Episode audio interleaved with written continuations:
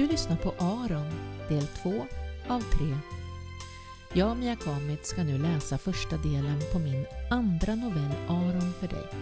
En berättelse om ett livsavgörande uppvaknande som får oanade konsekvenser. Hoppas du ska tycka om den.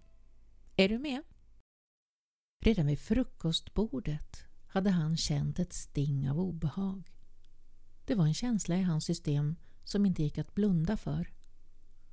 Lilly, Lillemor, hans fru, satt som vanligt i sin blå morgonrock med ögonen i dagens morgontidning. Allt var som vanligt. Det var tyst i huset, så när som på väggklockan som tickade trivsamt. På bordet stod kaffet, filen, brödet och en liten glasvas med pärlhyacinter från trädgården.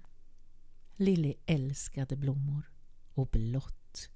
Hon klädde sig nästan alltid i blått. Hon var fin i blått, men Aron tyckte om rött. Mörkt rosa var också fint. Han hade köpt henne en tröja för inte så länge sedan till hennes födelsedag. En mörkt rödrosa i mjuk bomull. Hon hade fnissat och tagit den på sig på fredagskvällen. Gjort sig lite extra fin. Han hade inte sett den på sedan dess.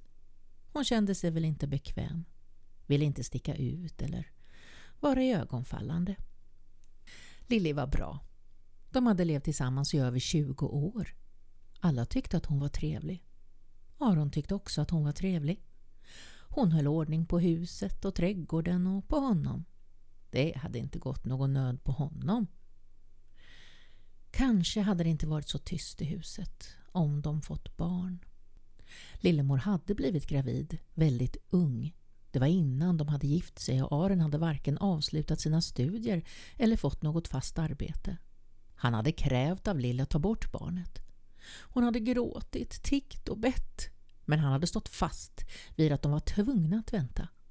Det skulle vara lämpligare på alla sätt. Han hade fått medhåll av både hans och hennes föräldrar. Bröllopet gick av stapeln en vacker junidag ett drygt år senare och parets gemensamma liv skulle börja på riktigt. Men ingenting hände. Lilly blev inte gravid. Några år senare hade de sökt läkarhjälp.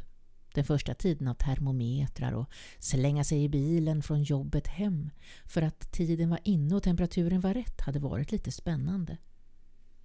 Gliringarna från arbetskamraterna hade varit uppmuntrande och lite fräcka men den känslan hade med tiden flugit sin kos och hoppet undan för undan släckts. Deras samliv hade tappat all glädje och känslan av lust hade bytts ut mot plikt. Efter några år och nya tester fick de så småningom beskedet att Lilly inte längre var fruktsam.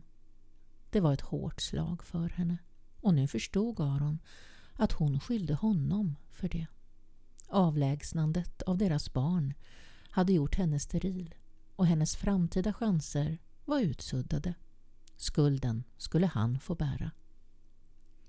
När Lilly fyllde 30 vände de sig till en adoptionsfirma. I juli året efter reste de till Kambodja.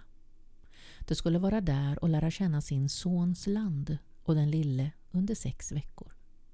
Aron hade inte varit överlycklig. Och återigen hade olyckan varit framme. Pojken hade varit sjuk och dött mitt framför ögonen på dem. Aron hade tagit mycket illa vid sig av miljön, bemötandet och dödsfallet i sig. Det hade blivit för mycket känslor. De blev erbjudna ett annat barn och Lilly var redo med hela sin tickande modersklocka men Aron hade sagt nej. Bestämt. Han hade inte velat överväga det alls. Han hade bara velat åka hem, långt därifrån och dra något gammalt över sig. De hade aldrig talat om Kambodja efter det. Inte om adoptioner heller. Lillys livsgnista hade fått sig en rejäl törn och han hade varit orsaken igen. Nu vilade hans ögon på en inglasad bild av ett vitt stenhus. Den satt på väggen bredvid köksklockan. Det var barnsjukhuset i Kambodja och det enda som vittnade om att den där resan hade ägt rum en gång för länge sedan. Det var en märklig bild egentligen. En stor och ganska ful och sliten byggnad på en dammig sandmark mot en himmelsblå bakgrund. Men tittade man riktigt noga kunde man se att det satt någon på en trappa vid sidan av huset. Det var en liten figur med spretigt svart hår och kortbyxor. Den där tavlan hade blivit ett monument för något outtalat. Han visste vad det var, men han hade låtit det bero. Precis som alla babysaker som fortfarande stod nedanför trappan i källaren. Det var en säng, blöjor och kartonger med plagg med mera som de skulle ha behövt när de återvände till Sverige med sin nya familjemedlem. Trots att det aldrig kommit till användning hade Lilly vägrat att göra sig av med det. Det var nu med ömhet han la sin hand på hennes och sa att han var tvungen att skynda sig. Hon tittade upp som hastigast och log. Det var ett trevligt leende. Hemma igen från en intensiv dag bland högar av deklarationer och räkenskaper satt han kvar i bilen utanför garaget en lång stund. Han tittade på cyklarna som stod parkerade under en liten utbyggnad. Lilly hade använt sin fina skeppshult lika ofta som den röda bomullströjan. Hon brukade bara titta på honom vänligt när han föreslog att de skulle ta en cykeltur och sa att då skulle hon sätta på kaffet och ha fikat klart tills han kom tillbaka. Sen fortsatte hon att styra med sitt in i köket. Hon var mycket för att baka Lilly och hon blev ledsen om han inte uppskattade hennes bakkonst med minst två bitar. Efter 50-årsdagen hade Aron fåfängt börjat tänka på vikten. Det var flera lika stressade jämngamla på jobbet som klagade på högt blodtryck och ålderstecken. Stroke och diabetes var vardagsmat bland hans gelikar. Själv hade han inte vågat göra någon hälsokontroll. Skulle han ta en sväng med cykeln? Hela han ville det, mer än något annat. Men det var ju inte söndag. Han hade sedan många år lagt sig till med en liten vana att cykla en runda på söndagarna. Inte lördagar, för då skulle huset städas och mattor och golv var hans stående uppgift. Det gick bra och efteråt lagade alltid Lilly något trevligt till middag. Det var en något kylslagen men vacker majdag och cykeln stod där och lockade honom. Snart satt han på sadeln och det knastrade härligt under hjulen när asfalten tog slut och han kom in på grusvägen. Han frös om fingrarna och öronen men han trampade på så vilt att snart var han varm och svettig om hela kroppen. Han hade bråttom. Bråttom till henne. Det var förra sommaren som han träffat Anna-Karin första gången. Han hade cyklat över de välkända skogsmarkerna på vägar som han kände som sin egen bakgård då han plötsligt fått för sig att ta in på en mindre väg som han aldrig hade provat förut. Privat stod det på en skylt och han mindes hur han hade tänkt att han säkerligen skulle hamna mitt i någons trädgård och behöva vända och cykla samma väg tillbaka. Nyfikenheten den dagen hade dock gett honom en ny dimension på tillvaron. Anna-Karin. En själsfrände som han kunde anförtro allt. Han hade kommit cyklande den där ljumma och vackra sommardagen och mycket riktigt behövt stanna framför ett rött litet hus då vägen plötsligt tagit slut. En kvinna i orangeröd klänning och stora stövlar stod ilsket och ljudligt i det höga gräset utanför huset. Hon slet i ett gräsklippasnöre. Han hade inte kunnat hjälpa att han hade lett lite åt spektaklet och beundrat hennes frenesi och kreativitet som fullkomligt välde över hennes läppar. Han mindes också hur han uppskattat synen av hennes bakdel och kontrasten av de stora gummistövlarna till den fina klänningen. Efter en stund hade hon väl känt sig iakttagen och vänt sig om och upptäckt honom. Hon hade ropat åt honom att sluta och stå där och dumglo och komma och hjälpa henne istället. Efter det att han rengjort förgasarmunstycket och fått igång maskinen hade hon bjudit på kaffe i hammocken. Bara kaffe, inget mer. Men det hade varit så lustfyllt. Han mindes hur de skrattat mycket. Hon var ett par år äldre än han själv men levnadsglad och hade en obeskrivlig dragningskraft på honom med sin glada mun och strålande ögon. Hon hade frågat om allt och han hade berättat. Berättat om stressen på arbetet, om Lilly och barnlösheten. Till och med rädslan att bli gammal, sjuk och dö. Hon visste nog allt som fanns att veta om honom. Själv visste han inte så mycket om henne. Han hade stannat alldeles för länge den där första gången. Så precis innan han kommit tillbaka ut på asfaltsvägen hade han stannat och släppt ut luften ur framdäcket. När han sen äntligen kom gående med cykeln och Lilly kommit ut för att möta honom och höra var han varit så länge kunde han skylla på punktering och att han hade lett cykeln hela vägen hem. Han hade fortsatt att besöka henne. Först sporadiskt en söndag då och då. Sedan blev det mer stadigt återkommande. Som en viktig söndagsritual. Det höll honom klok och sansad. Han åkte till Anna-Karin, drack sitt kaffe och pratade en stund och cyklade sedan hem som om ingenting hade hänt. Ingenting hade ju egentligen hänt. Men berätta det för Lilly kändes ändå avlägset och olustigt. Nu satt han på cykeln på väg till Anna-Karin fast det bara var tisdag. Han undrade om Lilly hade sett honom genom fönstret och han stack iväg. Hon måste ju ha undrat vad som flugit i honom. Middagen var säkert redan färdig. Ändå var benen väldigt beslutsamma. De trampade på energiskt fast det stack i bröstet på honom av ansträngning. Portföljen stod kvar hemma, lutad mot soptunnan. Hur betedde han sig egentligen? Han borde skämmas. Vända om och uppföra sig som den 51-åriga man han var. Om han bara stannade en liten, liten stund kunde han säga att han fått ett ryck och bara tagit en liten sväng i det fina vädret före maten. Hon var inte hemma. Det syntes tydligt, för dörren till glasverandan var stängd. Hon syntes inte till i trädgården heller, fast gräsmattan var fint klippt. Då fungerade gräsklipparen i alla fall. Han kände sig irriterad och snopen. Han hade varit så inställd på att hon skulle finnas där, väntande, när helst han behagade dyka upp. Han cyklade fram och tillbaka framför huset några gånger innan han bestämde sig för att cykla hem igen. Hon kom gående i åkerkanten på andra sidan vägen. Hennes brungråa hår var ihopsnott i en slarvig svans som guppade över ryggen. När hon fick syn på honom sprack hennes breda mun upp i ett varmt leende och hon vinkade glatt åt honom.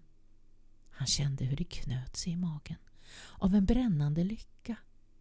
Hennes jacka var röd och på fötterna bar hon gummistövlar. Dessa välsignade gummistövlar. Så jordnära och trygga robusta och samtidigt roliga. Hon var något av en bohem och han tyckte så mycket om henne för det. Såklart undrade hon vad han gjorde där en vanlig tisdag. Men istället för att fråga rakt ut undrade hon om han hade kommit för att hjälpa henne med nässelsoppan. Det var perfekt tid för nässelsoppa nu i mitten av maj. De pratade mest om jobbet, om alla deklarationerna som borde blivit färdiga igår det var för kyligt ute så de åt i hennes varma kök. Hon tände i köksspisen och både soppan och kaffet efteråt gjorde honom varm ända in i själen. Och trött. Nu hade han inte en endaste tanke på vare sig klocka eller morgondag längre. Han bara fanns till och njöt av vartenda andetag. Efter en stund tog hon honom i handen och ledde honom upp för en liten trappa till övervåningen. Det var där hon hade sitt sovrum. Det var sparsamt inrett med snedtak och varma färger. Han hade aldrig varit i husets övervåning förut men blev inte överraskad. Det såg ut precis som han hade kunnat föreställa sig. Hon klädde först av sig själv och slängde kläderna över en vacker gammal trästol. Sen fortsatte hon med honom. Lakanen kändes till en början kalla men snart spred sig värmen från deras tätt omslingrade kroppar. Han somnade nästan omedelbart på hennes arm med tårar rinnande för sina kinder och vaknade inte förrän solen stack i hans ögon nästa morgon. Klockan var kvart i fyra. Hon hade en klockradio som skoningslöst kastade den bittra sanningen rakt i ansiktet på honom. Inte hade han kunnat ana att den underliga obehagskänsla han hade haft vid frukostbordet dagen innan skulle leda honom till en annan kvinnas famn. Han var verkligen inte den sorten. Hans hjärna övervägde att stiga upp, klä på sig och åka hem. Ta sig till jobbet och bara fortsätta vardagen som vanligt. Hans kropp däremot ville inte lyda order utan bara lugnt ligga kvar och lyssna till kvinnan som andades fridfullt tätt intill. Hon var naken och varm. Hennes hud var svagt rödbrun och lite fräknig. Han var också naken. Hemma i sängen på Kornvägen bar man sovkläder. Han pyjamas och Lilly nattlinne. Hon var frusen och anständig. Han hade aldrig tänkt förut att det var något särskilt med det, men i jämförelse med det här så var det minsann det. Han funderade på om han skulle skämmas över sin kropp. Omedelbart kände han hur fånig den tanken var. Varför skulle hon bry sig? Istället borrade han näsan i hennes utsläppta hår och tog ett rejält tag om henne och kramade henne alldeles för hårt. Såklart vaknade hon och slog upp ögonen. Hon log brett och kramade honom tillbaka. De sa ingenting. Det var helt onödigt. Nästa gång Aron vaknade var klockan över nio. Anna-Karins katt hade hoppat upp i sängen och väckt honom. Tanken på jobbet sköt han bryskt åt sidan. Istället stekte han ägg i bara kalsongerna och lyssnade på P1 i Anna-Karins kök. Det var kallt och skinnet knottrade sig på honom. En ny brasa sprakade snart i vedspisen och värmen spred sig med kaffedoften. De satt i varsin flisfilt och kurade i soffan framför tvn och åt frukost på blommiga gamla tallrikar från Rörstrand. Tänk att livet kunde vara så här. Efter några dagar hade det dåliga samvetet helt slutat att plåga honom. Han kände sig fri och på nytt född. Han såg ut genom fönstret hur Anna-Karin rotade i brevlådan och läste på de olika breven hon fiskade upp. Nu värkte det sådär lyckligt i magen på honom igen och han kände sig sprängfylld av lust. Det fick den arma kvinnan också bli varse när hon kom in i hallen. Hon hann knappt befria sig från sina gummistövlar. Dessa välsignade gummistövlar. Att ligga i sängen mitt på ljusan dagen hade länge varit förknippat med svår sjukdom för Aron. Men nu hade det fått en helt annan innebörd. Det hade nu gått tre veckor sedan Aron lämnat sin portfölj vid soptunnan och cyklat bort i det okända. 21 fantastiska helande dagar. När han vaknade denna morgon var sängen tom. Ingen Anna-Karin. Och han blev genast stel och klarvaken. Lappen på kaffebryggaren var rart skriven. Hon hade ett par ärenden i stan och skulle vara tillbaka någon gång under eftermiddagen. De få gånger hon åkt iväg tidigare de här veckorna hade varit korta besök till mataffären och alltid efter frukost då han hade varit vaken och förberedd. Han kände sig barnslig för att han kände sig så övergiven. Sviken på något underligt sätt. Varför hade hon inte förvarnat honom? En obehaglig klump la sig till rätta i hans mage. Han brydde sig inte om vare sig kaffe eller frukost. Han mådde illa och hjärtat bultade i bröstet på honom. Som efter en kalldusch hade han plötsligt vaknat upp ur sin känslomässiga trans och han tvingade sig själv att lämna huset. Klockan var närmare elva på förmiddagen och han undrade när Anna-Karin hade gett sig iväg egentligen.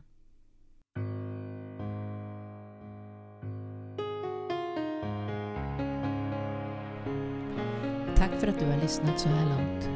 I nästa avsnitt läser jag den avslutande upplösningen på historien om Aron. Må så gott nu och ta hand om dig så hörs vi snart igen. Hälsningar från mig, Mia Kamitz.